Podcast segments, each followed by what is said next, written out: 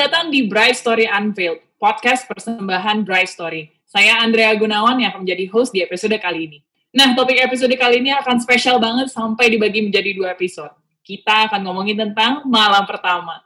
Karena banyak banget mitos-mitos seputar malam pertama dan banyak dari kita juga yang nggak tahu mau cari informasi yang benar dari mana. Dan karena topik ini juga masih tabu dibicarakan, makanya di sini udah kedatangan Zoya Amirin, seorang pakar seksologi. Baik. Iya, senang banget akhirnya kita ketemu lagi. Nah, ya. psikologi ya. dan seksualitas itu adalah hal yang berdampingan nih. Makanya ya. kalau kita mau ngomongin malam pertama, tentu harus Zoya pakarnya yang ngomongin. nah, langsung aja ya. Kalau ngomong tentang malam pertama, uh, itu pasti hubungan seksual gitu tentunya. Iya, identik banget ya, De. Iya, nah apa betul malam pertama itu benar-benar kegiatan seksual semata atau ada makna yang lebih dalam daripada itu? Uh, sebenarnya uh, itu alasannya itu persis banget karena uh, pembicaraan lo tadi tuh itu alasannya kenapa gue membuat tesis S2 soal soal hubungan seks pertama itu termasuk malam pertama gitu karena uh, saking keponya, tapi keponya ilmiah ya. Jadi gue bikinlah penelitian waktu gue S2. Gue pengen tahu apa sih yang dipikirkan laki-laki sama perempuan pada saat hubungan seks pertamanya gitu ya. E, termasuk pada malam pertama. Sekarang gini, kalau misalnya konteksnya itu bukan e, malam pertama ya. Jadi e, kawinan, resepsi segala macam lalu pertama kali banget mau hubungan seks gitu. Itu kan pasti pressure-nya banyak banget ya. Capek nggak sih habis salaman sama tamu segitu banyaknya uh, akhirnya puncak acaranya berhasil apa enggaknya terus belum lagi pressure akan aduh hubungan seks pertama it's like a lot to take gitu ya nah sebenarnya uh, buat mereka yang ternyata hubungan seks pertama kali juga itu nervousnya kurang lebih hampir sama ketika dengan malam pertama. Meskipun pasangan-pasangan yang sudah melakukan hubungan seks sebelumnya. Apparently gitu hasil dari penelitian gue itu menyatakan bahwa semuanya baik laki-laki ataupun perempuan pada usia berapapun perempuan itu punya uh, pemikirannya sendiri pada saat malam pertama, Andre. Sementara laki-laki juga punya uh, apa ketakutan dan dramanya sendiri di saat uh, melakukan hubungan seks pertama. Mau tahu nggak hasilnya? Iya. concern-concernnya itu saya.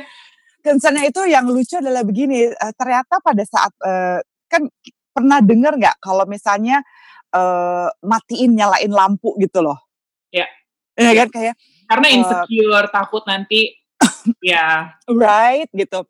Ternyata gitu ya, gue meneliti itu perempuan dari status sosial yang banyak banget gitu ya, mulai dari asisten rumah tangga sampai foto model.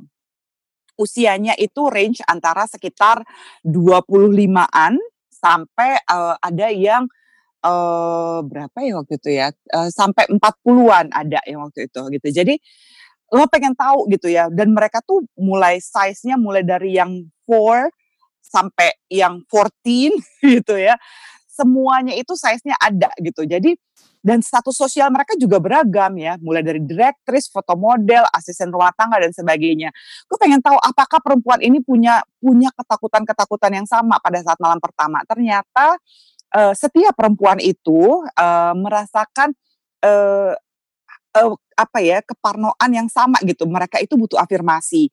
Jadi ternyata di situ gue baru tahu, Dre, ternyata perempuan itu uh, seberapa pun cantiknya dia, seberapa pun dia ngerasa disayang dan sebagainya, dia tetap butuh afirmasi pada saat melakukan hubungan seks pertamanya.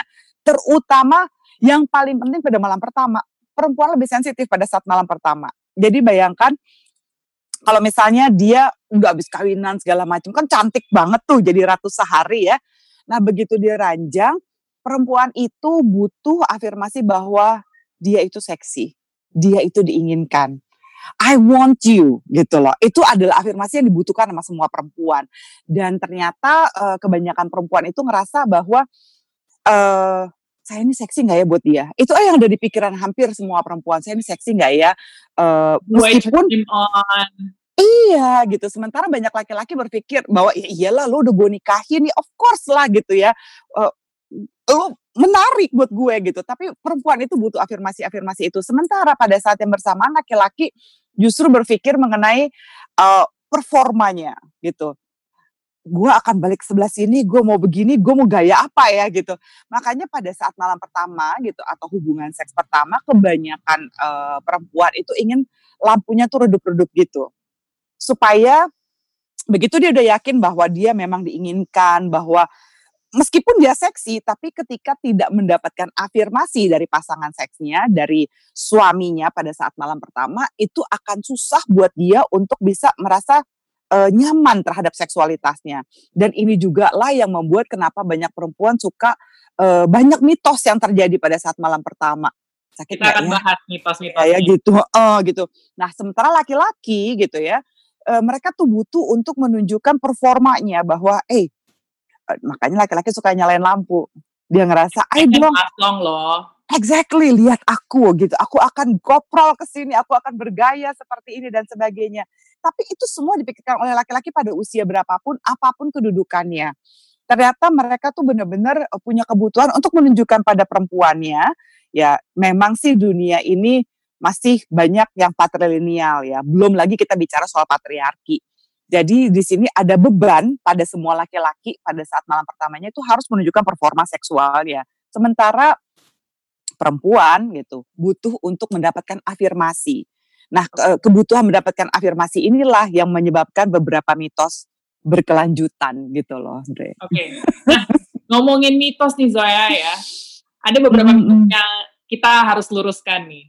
Jadi mitos pertama, apakah kalau malam pertama itu udah pasti sakit dan sudah -hmm. harus berdarah? Kalau enggak berarti sudah tidak perawan lagi kita tinggal ini eh, kita coba balik lagi ke uh, let's unveil the bright story from uh, ini ya uh, dari cerita-cerita uh, kita sebelumnya yaitu Siti Nurbaya was like the most famous uh, virgin bride story like ever gitu ya uh, kita coba memposisikan diri kita sebagai si bride yang namanya Siti Nurbaya ini gitu ya dia uh, harus menikahi laki-laki yang boro-boro cinta. Kayaknya ditanya suka sama enggak juga mungkin enggak. Tapi kebutuhan dia menikah pada waktu itu adalah untuk uh, memenuhi status sosial dan hutang-hutang keluarga dan sebagainya seperti yang kita ketahui gitu ya. Nah, kita sekarang masih agak mendingan. Minimal gitu ya ketika ada problem nanti kita menikahi orang yang kita cintai gitu.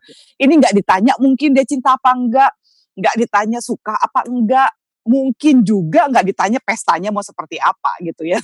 Dia nggak bisa merencanakan pestanya sendiri. Jadi tidak benar-benar bisa merasa sebagai ratu sejagat sehari dalam sehari itu gitu nah terus dalam kondisi itu dia harus uh, menjalani pesta dan kehidupan yang dia masuki tanpa dia sadar mesti ngapain dia tahu dia akan melakukan hubungan seks pertamanya Nah, pada saat melakukan hubungan seks pertamanya, buat mereka ya yang cinta aja gitu ya, butuh proses untuk melakukan hubungan seks pada saat pertama kali.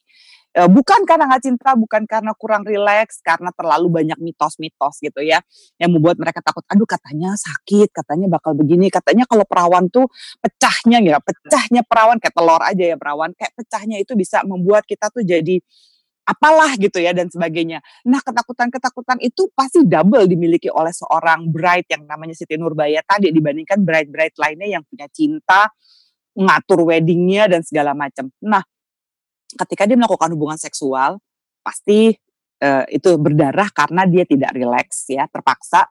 Mungkin juga lubrikasinya kurang gitu ya di kelaminnya. Kalau nggak ada lubrikasi jadi lubrikasi adalah salah satu sekali lagi salah satu tanda bahwa dia memang bergairah. Cuma zaman sekarang lubrikasi kan udah banyak yang bisa dibeli gitu ya.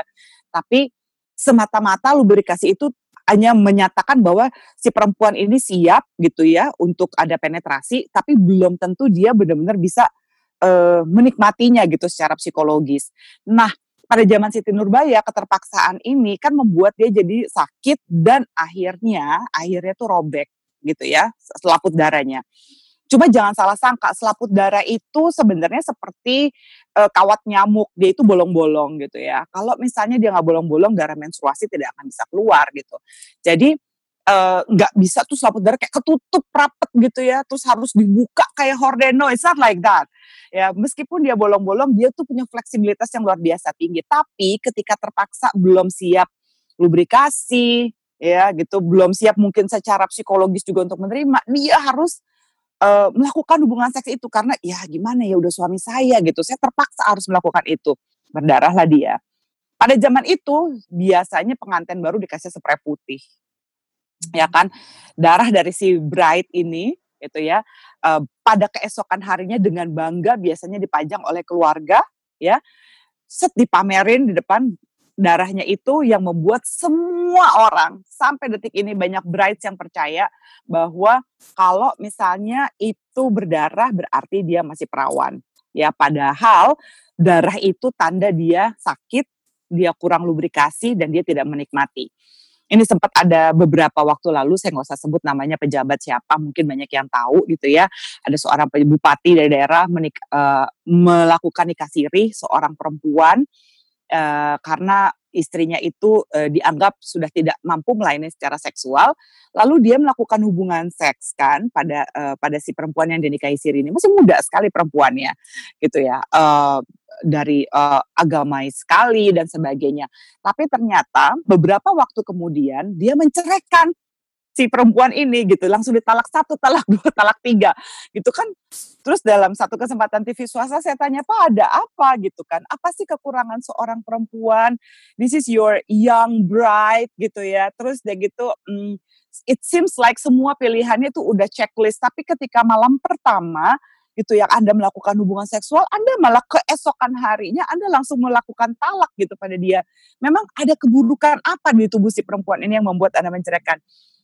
On air dia kekeh nggak mau ngomong gitu ya, tapi emang dasar bablas ya. Lalu akhirnya saya kejar terus sampai dia bilang begini, Mbak Zoya, dia bilang gitu kalau misalnya Anda membeli barang katanya gitu di supermarket, lalu si barang itu cacat gitu ya, apakah Anda tidak akan mengembalikannya? Iya Pak, itu bisa dibalikin, tapi tidak dengan perempuan ya gitu. Dan perempuan itu manusia gitu, bukan barang yang bisa dibalik-balik gitu ya. Sebenarnya ada masalah apa gitu ya? Kayak kepo dong gue kan. Terus dia bilang, oh masalahnya adalah hmm, dia berdarah pada saat malam pertama. Dia tidak berdarah pada saat malam pertama. Terus saya bilang gini, Pak, kurang congratulations. Dia shock kan? Nah, kenapa congratulations? This is off air of course. Saya bilang, iya, Bapak berhasil membuat dia relax pada saat malam pertamanya. Dia menginginkan Bapak sebagaimana Bapak menginginkan dia. Dan pada malam pertama itu berarti Bapak berhasil membuat dia terangsang gitu. So you doing a good job dengan tidak membuat dia berdarah ya cuma laki-laki bodoh yang yang sebenarnya kurang sabar gitu kalau misalnya seperti itu kan nggak seperti zaman dulu lagi main hajar aja pada saat malam pertama no berarti dia cukup punya uh, punya keterangsangan dan keterangsangan itu juga di sama bapak mungkin bapak juga memberikan afirmasi so you doing a great job gitu kan ya dia nggak terima itu. Nah, mitos ini masih berlangsung sampai sekarang. Jadi pada saat malam pertama saya nggak tahu laki-laki butuh berapa cc darah, tapi please bright, whenever you hear this ya, anda tuh semua tidak butuh ya, vagina Anda tidak butuh berdarah pada saat malam pertama to prove that you are good enough ya. Doesn't really matters beneran gitu ya. Itu akan uh, carilah cara untuk merileks kalau misalnya Anda butuh oh, konfirmasi dari pasangan Anda bahwa uh, aku senang deh ketika kamu bilang uh, kamu sayang sama aku. What do you think gitu about my body? Itu akan membantu kamu juga jadi uh, relax gitu. Uh, diterima gitu tubuhnya. Rasa Jadi aman dan nyaman. Rasa aman dan nyaman itu. And we need that. Dan it's okay itu kita nggak jadi needy kita nggak nagging ketika kita membutuhkan itu tapi yang jelas jangan dicari darahnya karena gitu ya. banyak banget juga sampai ada di uh, e-commerce e-commerce juga yang ngejual darah-darah palsu hanya untuk demi malam pertama seperti ini. Nah, iya, belum lagi ada seorang artis yang mencoba menjual 2 miliar keperawanannya gitu ya for the sake of whatever is that. Oh my god, saya tuh langsung sakit kepala gitu ya. kayak gitu like don't do that gitu. Malam pertama not necessarily itu harus berdarah gitu ya. Kalau kamu relax and you can uh, apa bisa bersenang-senang gitu pada saat melakukan hubungan seks pertamanya tahu nggak sih hubungan seks pertama itu ribet apalagi setelah uh, apalagi khususnya malam pertama pada saat habis acara. Oh my god. You just nah. been through like the whole freaking day of ceremony gitu kan ya. Nobody expect that much from you juga gitu. Iya. and you can nah. talk to your partner. Iya nggak Andre? Nah ngomong-ngomong soal ribetnya malam pertama ini apakah nah ini mitos kedua ya apakah seks yang ideal itu harus selalu yang seperti di film porno Oke, okay, right. Ini benar ya. Kayaknya bersih, kayaknya semuanya tertata. uh, terus udah gitu kayaknya uh, perempuan tuh harus histeris teriak-teriak melulu ya enggak iya. atau nangis-nangis gitu enak kan ukurannya juga harusnya yang wah gitu besar gitu ya. itu gitu heboh gitu ya no no no no it's not uh, malam pertama uh, ini malam pertama ya yang paling bikin pressure itu adalah porn ya, video porno dan satu lagi adalah Kama Sutra. Dengan segala yang harus sudah iya. bisa yoga, pilates gitu ya. Batik gitu ya. Pertama gini, mm, oke okay, uh, brides ya uh, atau calon brides ya, if you hear this, gini loh, saya pernah berkunjung ke Vivid Industry di Amerika ya dalam rangka ya keren banget dalam rangka apa coba ke sana what do I do? Harusnya gue ajak Andrea ya waktu itu salah gue. so Idol Vivid Industry itu adalah salah satu cara kami para sex therapist untuk uh, sebenarnya fighting porn gitu ya. Uh, fighting porn is very hard karena ini adalah industri yang um, banyak menguntungkan perempuan yang ada di dalam industri itu secara finansial gitu ya yang dia tidak bisa dapatkan mungkin di tempat lain tapi juga ini adalah industri yang merusak perempuan dan laki-laki pada saat yang bersamaan gitu ya. Dah di situ uh, saya interview dong perempuan-perempuan yang ada di situ. Maksudnya like how you can enjoy adegan demi adegan, scene demi scene gitu ya. Dan kalau misalnya ini ditonton oleh calon pengantin gitu ya, atau mereka berusaha untuk melakukan ini pada saat malam pertamanya, atau mereka mencoba menjadi bintang porno. Kejauhan. Oh my God, so true kalau misalnya si perempuan ini melakukan ini semua, Andre, untuk um, untuk pada malam pertamanya mereka perform seperti si bintang porno, gue takut mereka pada keceklik kan, sakit pinggang lah, apalah gue, it was so ridiculous gitu ya. Oke, okay. sekarang gue bocorin ya kepada semua perempuan yang akan menikah, don't be like a porn star. Istilahnya gini, if you feel like aduh aku nggak mau deh pakai gaya macam-macam apa segala macam ketika menikah no. If you wanna be like a, uh, bukan porn star ya istilahnya ada yang bilang aku nggak mau kayak nakal-nakal gitu deh nanti sama suamiku. Nakal aja diranjang sama suami sendiri. Yang penting kan gitu. Tapi kalau porn star you know what? Mereka itu untuk satu adegan apalagi adegan yang mahal sekali gitu ya yang dia harus uh, apa melakukan oral lah anal lah gitu dan segala macam. Mereka itu latihan kurang lebih seminggu sampai 10 hari sebelum performs. Lalu gue tanya dong terus gimana rasanya tuh? Kok kelihatannya lu tuh bisa banget actingnya gitu? Nah sementara kan sex is very intimate things gitu ya. Kok bisa kamu melakukan itu? Tau nggak jawaban mereka apa uh, so how do you call yourself? Like what kind of porn star are you? Tahu nggak dia bilang apa? I am a sex athlete, mbak. Udah, dus gitu kan gue. Sex athlete? Yeah, because before we perform, yeah, we have to train ourselves, train our brain, train our vagina to work in the way they want us to work. That we've been paid for that. Terus duh itu tuh kayak gue kayak nyes gitu ya maksudnya jadi bayangkan penderitaannya kalau misalnya kamu menonton film porno dan kamu ingin perform seperti bintang film porno ini di mana mereka latihan berkali-kali gitu ya, itu tidak ada kenikmatannya sama sekali gitu ya. Bahkan para bintang film porno gitu ya ketika mereka menikah, mereka melakukan hubungan seksual yang vanilla. Kink a little bit but mostly vanilla ya. Vanilla it's still a good taste, you know.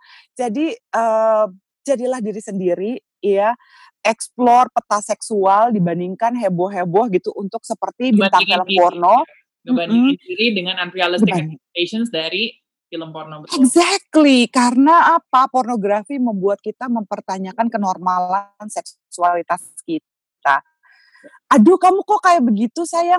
Di filmnya tuh begitu. Kok di film itu warnanya pink kenapa aku coklat ya? Gitu.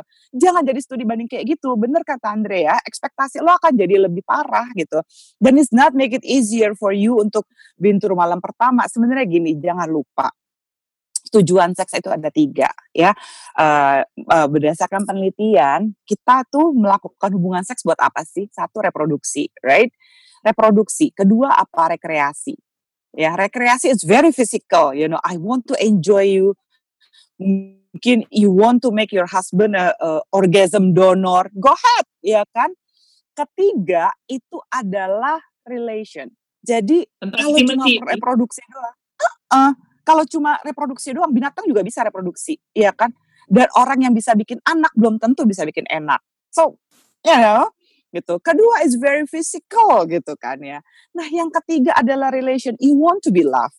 Seks itu kalau tidak membuat, kalau harus membuat kamu perform every single day, you have to like uh, apa namanya? Aduh, aku harus pakai yang seks. Iya, kayak sih kayak kerja. That's the terms of sex athlete lo nggak boleh kayak kerja ketika melakukan hubungan seks. Ketika lo nonton pornografi, lo jadi akan kayak orang kerja.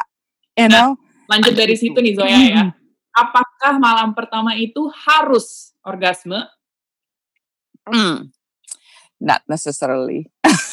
I'm sorry, but karena it's namanya, so not. Kan, iya kan, karena namanya masih saling eksplor badan masing-masing juga ya, masih saling mengenali, iya. Right. Gitu ya. Itu masih saling mengenali. So itu uh, apa beban satu lagi ini enggak cuma gue paham kebanyakan laki-laki Dendre itu tuh sangat-sangat demanding terhadap yang namanya orgasme. Orgasme is being overrated especially pada saat malam pertama. Oke. Okay. Uh, mungkin ini karena yang mendengar ini adalah calon calon-calon brides ya most likely. Uh, I'll give you this news sekalian ya dari pertanyaan Andre ini bagus banget nih. Jadi gini uh, jangan berpikir ketika kamu pergi honeymoon lalu terjadi kegagalan ya kamu berantem gak dapat orgasme mau coba gaya macam-macam akrobatik gagal dulu itu tidak menandakan hubungan pernikahan kalian akan gagal oke okay? karena pada saat honeymoon even even bagi mereka-mereka yang sudah tinggal bareng duluan sebelum menikah or yang sudah melakukan hubungan seks sebelum menikah tetap surat-suratnya beda, kandungan emosinya tuh beda gitu ya. Ekspektasi kita juga akan meningkat, nggak apa-apa. Semakin cinta biasanya semakin tinggi ekspektasinya dalam pernikahan. Makanya mereka-mereka menikah ta'aruf relatif lebih kalem, tapi e, dalam perjalanannya juga nggak terlalu banyak fluktuatif. Nah, jika kamu menikah ya karena cinta, kamu cinta banget sama tunangan kamu, itu akan biasanya lebih konfliknya lebih tinggi, terutama pada saat malam pertama dan pada saat honeymoon. And it's okay. Kok dia taruh handuknya di atas tempat tidur basah-basah? Oh my God, I cannot do this in my family. It's not happen like this. Ya ampun, toilet seatnya di gak ditaruh ke atas. Oh my God, this is like disaster. You are fine, girl. Don't worry it happens a lot dan itu tidak berarti akan leading kepada perceraian. So it's it's not gonna be like that ya uh, itu butuh dua orang untuk bisa berkolaborasi bersama-sama dan untuk memaafkan diri sendiri ketika ada hal seperti ini. Ekspektasi akan semakin tinggi. Jadi dengan nonton pornografi dan segala macam itu dia akan mempermudah gitu ya kalian. Nah pada saat malam pertama, uh, pada saat melakukan hubungan seks pertama gitu ya, lalu uh, gak dapat orgasme, yang biasanya sangat-sangat kecewa adalah kebanyakan laki-laki mau umur berapapun. Karena laki-laki itu adalah makhluk yang goal oriented ya. So gimana dong caranya kita nih si brides eh, kita sebagai brides ini uh, menghadapi laki-laki dengan goal oriented yang demikian? We talk to them. Sayang, jadi gini, kalau misalnya sampai nggak orgasme, aku tuh nggak apa-apa loh, karena buat aku yang penting enak gitu. It's aku pengen. It's, it's the it's the journey, not the destination. It's the journey, not the destination. Oh my God, you are so smart. It's so true, girl. Listen to her ya. It's the journey, it's not the destination. Karena ada beberapa, jadi gini, um, I share a story of my client. Jadi uh, aku ada klien pasangan muda gitu ya, very vibrant, you know Andrea Andrea gitu deh gitu. Terus mereka pergilah honeymoon gitu ya. Ceweknya tuh yang super fun, very open minded. Ini dua pasangan yang berbeda gitu ya. Mereka tuh masih like uh, early 30 gitu ya, late 20 something. Terus mereka bilang gini, aduh Mbak Zoya, jadi mereka uh, aku ngasih konseling persiapan pernikahan kan. Terus uh, mereka pergilah honeymoon set gitu ya. Nah, kira-kira 10 hari kemudian gitu ya. Memang mereka harus melaporkan kepada aku gitu ya. Uh, eh gimana gitu malam pertamanya aku uh, malam pertamanya honeymoonnya because usually disaster happen during that and it's okay. It's to be expected. Ini mereka yang sudah premarital counseling loh sama aku. Pulang, yang pasangan pertama bilang gini, oh my god Mbak Zoya, we have sex like almost every single day. Okay, so it's good, right? Terus si lakinya bilang gini, tapi nggak setiap hari banget sih mbak dapat orgasme. But since we already talk about it, I try to live with it gitu. Karena dari awal dia udah diajak ngomong, nggak semuanya bakal kayak begini. Atau enggak kalau misalnya kalian juga takut, kalian bisa menunjukkan video ini kepada pasangan kalian, oke? Okay? Atau pada tunangan kalian. Nah, terus pasangan yang kedua gitu ya, ketika pulang pertanyaannya gini deh, Mbak Zoya, is there something mm, too much sex? Hah? What do you mean? gitu kan ya. Kayaknya seks kita kebanyakan deh Mbak. Si laki-lakinya begini, Mbak, I actually gave her like orgasm every single freaking day. And I asked her like, hey girl, do you enjoy the orgasm? Like, what kind of orgasm do you have? By the way, ada dua macam orgasme, yaitu um, um, multiple orgasme dan serial orgasme. Serial orgasme itu adalah orgasme yang jaraknya uh, beberapa detik gitu ya. Uh, sering kecil-kecil tapi sering gitu ya. Mungkin seperti petasan Betawi itu apa sih yang idiom lagi teret gitu kayak gitu gitulah. Nah kalau yang um, multiple orgasm biasanya ada jarak menit gitu ya, 10 menit, berapa menit gitu. That was like actually uh, dia mengalaminya semua itu pada seminggu honeymoon gitu, like every single freaking day. Pulang-pulang mereka berdua tuh bukannya exhausted dibandingkan di pasangan yang pertama yang go with the flow gitu kan ya. I just wanna be happy with you dan dua-duanya sudah premarital counseling. Jadi yang kedua ngerasa Iya, nggak ngejar-ngejar target juga Mbak, tapi kita memang susah ya gitu. Kita kita tetap kepengen ngejar yang fisikalnya, gitu loh.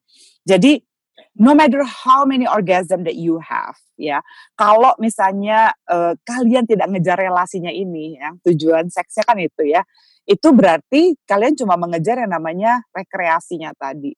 You have recreation of course gitu, like every single day orgasm, like who, who don't want that? Tapi harus But, ada koneksinya juga ya untuk hubungan yang lebih langgeng juga. Exactly, there you go. Oke, okay. nah lanjut lagi nih ke mitos yang apa ya? Mitos yang selanjutnya ini adalah malam pertama yang berhasil itu harus ada penetrasi secara vaginal. Hmm. Padahal kan ada kasus-kasus di mana kalau malam pertama ya tadi masih tegang, masih belum biasa, uh-uh. belum ada rasa aman dan nyaman dan juga mungkin bisa aja pasangannya ternyata vaginismus. right? That's even worse. It's so true gitu ya. Nah, uh, biasanya sih sampai di semester benar ketika uh, saking tegangnya dan segala macam. Oh ya, by the way, vaginismus itu uh, bisa terjadi kapan aja. Like it's so random. It's not jadi vaginismus itu bukan karena kamu kurang rileks, vaginismus itu karena kamu kurang ah gitu ya, kurang santai dan segala macam. Itu, itu ada di YouTube. Kondisi uh, uh, uh, tubuh. Pas aku lagi bahas itu juga, you, you can see in my YouTube gitu ya, kita lagi ngebahas tentang vaginismus. Tapi gini loh, uh, bagaimanapun juga, everything can happen pada malam pertama. Jadi apakah harus terjadi penetrasi? Not necessarily gitu ya. Uh, bisa jadi kalau kalau boleh gitu ya, apalagi brides yang sudah menyaksikan ini, you have to be smarter than that ya. Ngomongin soal ekspektasi ini sebelum melakukan hubungan seks ya, uh, bicara pada tunangan Anda bahwa you know what, nanti dalam urusan pernikahan ya, if you been through this pada saat malam pertama, capek banget gitu ya, nggak berhasil penetrasi, nggak harus juga penetrasi kayak apa sih gitu loh. Ini bukan sebuah perayaan gitu ya, bukan bukan sebuah apa ya pen, penanda gitu ya. Oh kalau sampai tidak ada penetrasi berarti kamu gagal. No, it's not. gitu ya. Bayangkan habis semua seremoni pernikahan dan segala macam most likely capek dan it's okay tuh. Cuma mm, pesan-pesan aku adalah gini, ketika dalam pernikahan nanti kamu tidak menginginkan seks, boleh. Tapi jangan pernah menolak cinta. Ya. Seks dan cinta itu sebenarnya adalah dua hal yang berbeda. Cuma ketika sudah menikah kita berpikir bahwa it's it's the same thing. It we always have to make love. No, sometimes it's okay for you to having sex. Ya gitu. Uh, but if you can have sex and making love at the same time gitu ya, itu yang akan bikin kehidupan kalian lebih berkualitas. So gimana caranya tuh menok ketika lagi nggak kepengen seks tapi kita tetap memberikan cinta adalah dengan apa? Cuddling and snuggling itu adalah intimacy yang paling dalam. Intinya dengan physical touch, ya bukannya selalu harus physical touch. Karena memang aku juga pernah bahas tentang uh, apa namanya uh, dead bedroom oh. atau sexless marriage sebenarnya. Nah ini karena yang tadi penolakan-penolakan, tapi pasangannya nggak mengerti bahwa penolakan bukan berarti tidak sayang sebenarnya. Mm. benar kata lu sih Zoe. Itu iya, karena banyak itu Iya, exactly. Banyak kan cowok itu ngerasa kalau lu ditolak uh, seksnya berarti lu nggak dicintai Ibu. gitu. Nah, sementara perempuan kan kadang-kadang tahu nggak kita nggak kita tuh sebagai perempuan kita nggak perlu big orgasm to enjoy sex.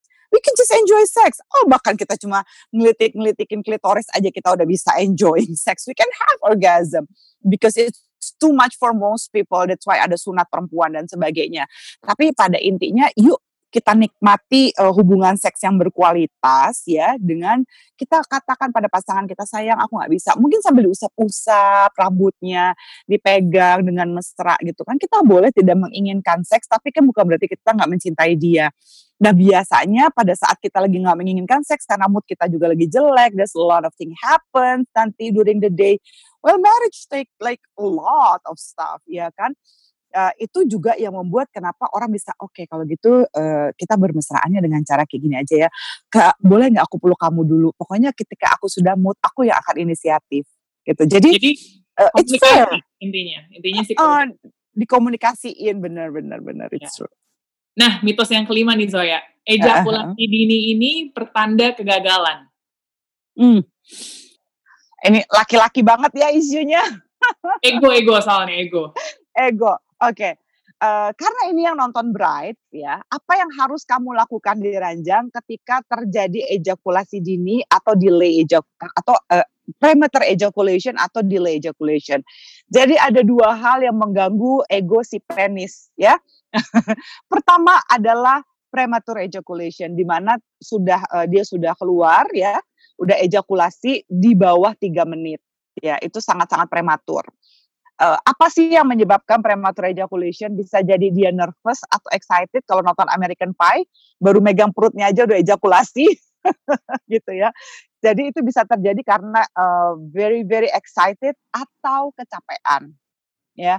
Kayak kepengen banget, tapi sebenarnya nggak punya waktu terlalu banyak and a lot of thing in their mind, so they get aroused, then after that they just like keluar begitu aja, ya yang kedua adalah setelah melakukan hubungan seks, ereksinya cukup keras gitu ya, enak durasinya dan segala macam. Eh endingnya dia nggak bisa ejakulasi.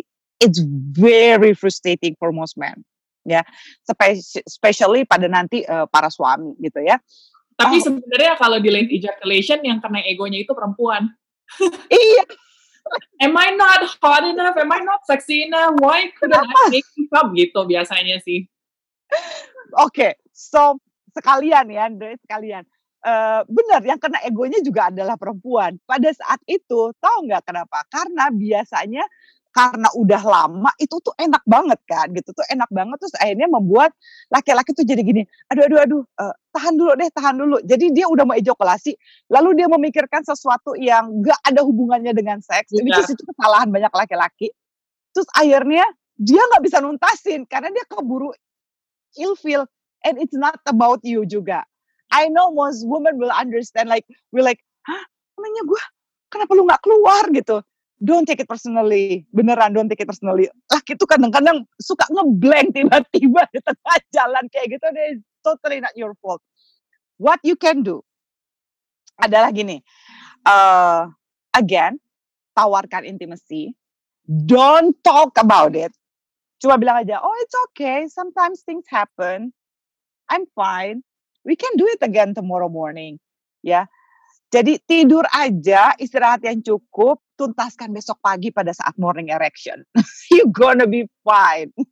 Jadi tidak selalu harus ada penetrasi, terjadi kegagalan bisa jadi kebanyakan kalau pada saat malam pertama adalah kecapean ya karena habis pesta atau kedua biasanya juga karena uh, terlalu excited benar-benar apalagi yang hubungan seksnya pertama kali pada saat malam pertama biasanya akan akan ada uh, kegagalan-kegagalan seperti gini gitu. Kegagalan tapi kayak gini deh. Jangan pikir ini kegagalan sih akan terjadi excitement excitement seperti ini di mana uh, biasanya akan ada prematur ejaculation berkali-kali. Jadi nyentuh mau coba penetrasi baru masuk sedikit seret ejakulasi lalu penasaran, cuddling, cuddling, cuddling, excited lagi, baru mau penetrasi, ejakulasi lagi. It's okay, ya, it's okay. Itu adalah tanda dia exciting. Nanti lama-lama akan kalem juga dan akhirnya bisa penetrasi. Tapi kalau kasusnya vaginismus harus dicek. Vaginismus itu udah apalagi udah taruh gel banyak-banyak, udah relaksasi, kegel exercise sebelum pernikahan, dia ya senam panggul tapi tetap vaginanya itu kayak tembok keras aja nggak bisa dipenetrate sama sekali itu udah pasti itu itu confirm itu confirm banget vaginismus cek gitu ya. ya. Dan selain itu juga kalau soal vaginismus tadi kalau ngomong ejakulasi dini menurut gue sih kalau memang sudah terjadinya berulang kali mungkin ada baiknya dicek juga ke dokter apa kondisi medis tertentu mungkin. Hmm. Kalau misalnya sebenarnya berulang kalinya kapan nih gitu? Kalau berulang kalinya pada waktu yang berbeda, yes you have to check. Itu must be something. Tapi kalau biasanya pada malam pertama doang kejadiannya dan berulang kali hanya pada malam itu aja, most likely itu excited sih gitu. Tapi kalau misalnya, ini udah seminggu nikah, kok ejakulasi dini terus, you have to check. Oke. okay. Tapi kalau cuma terjadi pada malam pertama, probably you're fine. Thank you Andrea. It's true, yeah. it's true.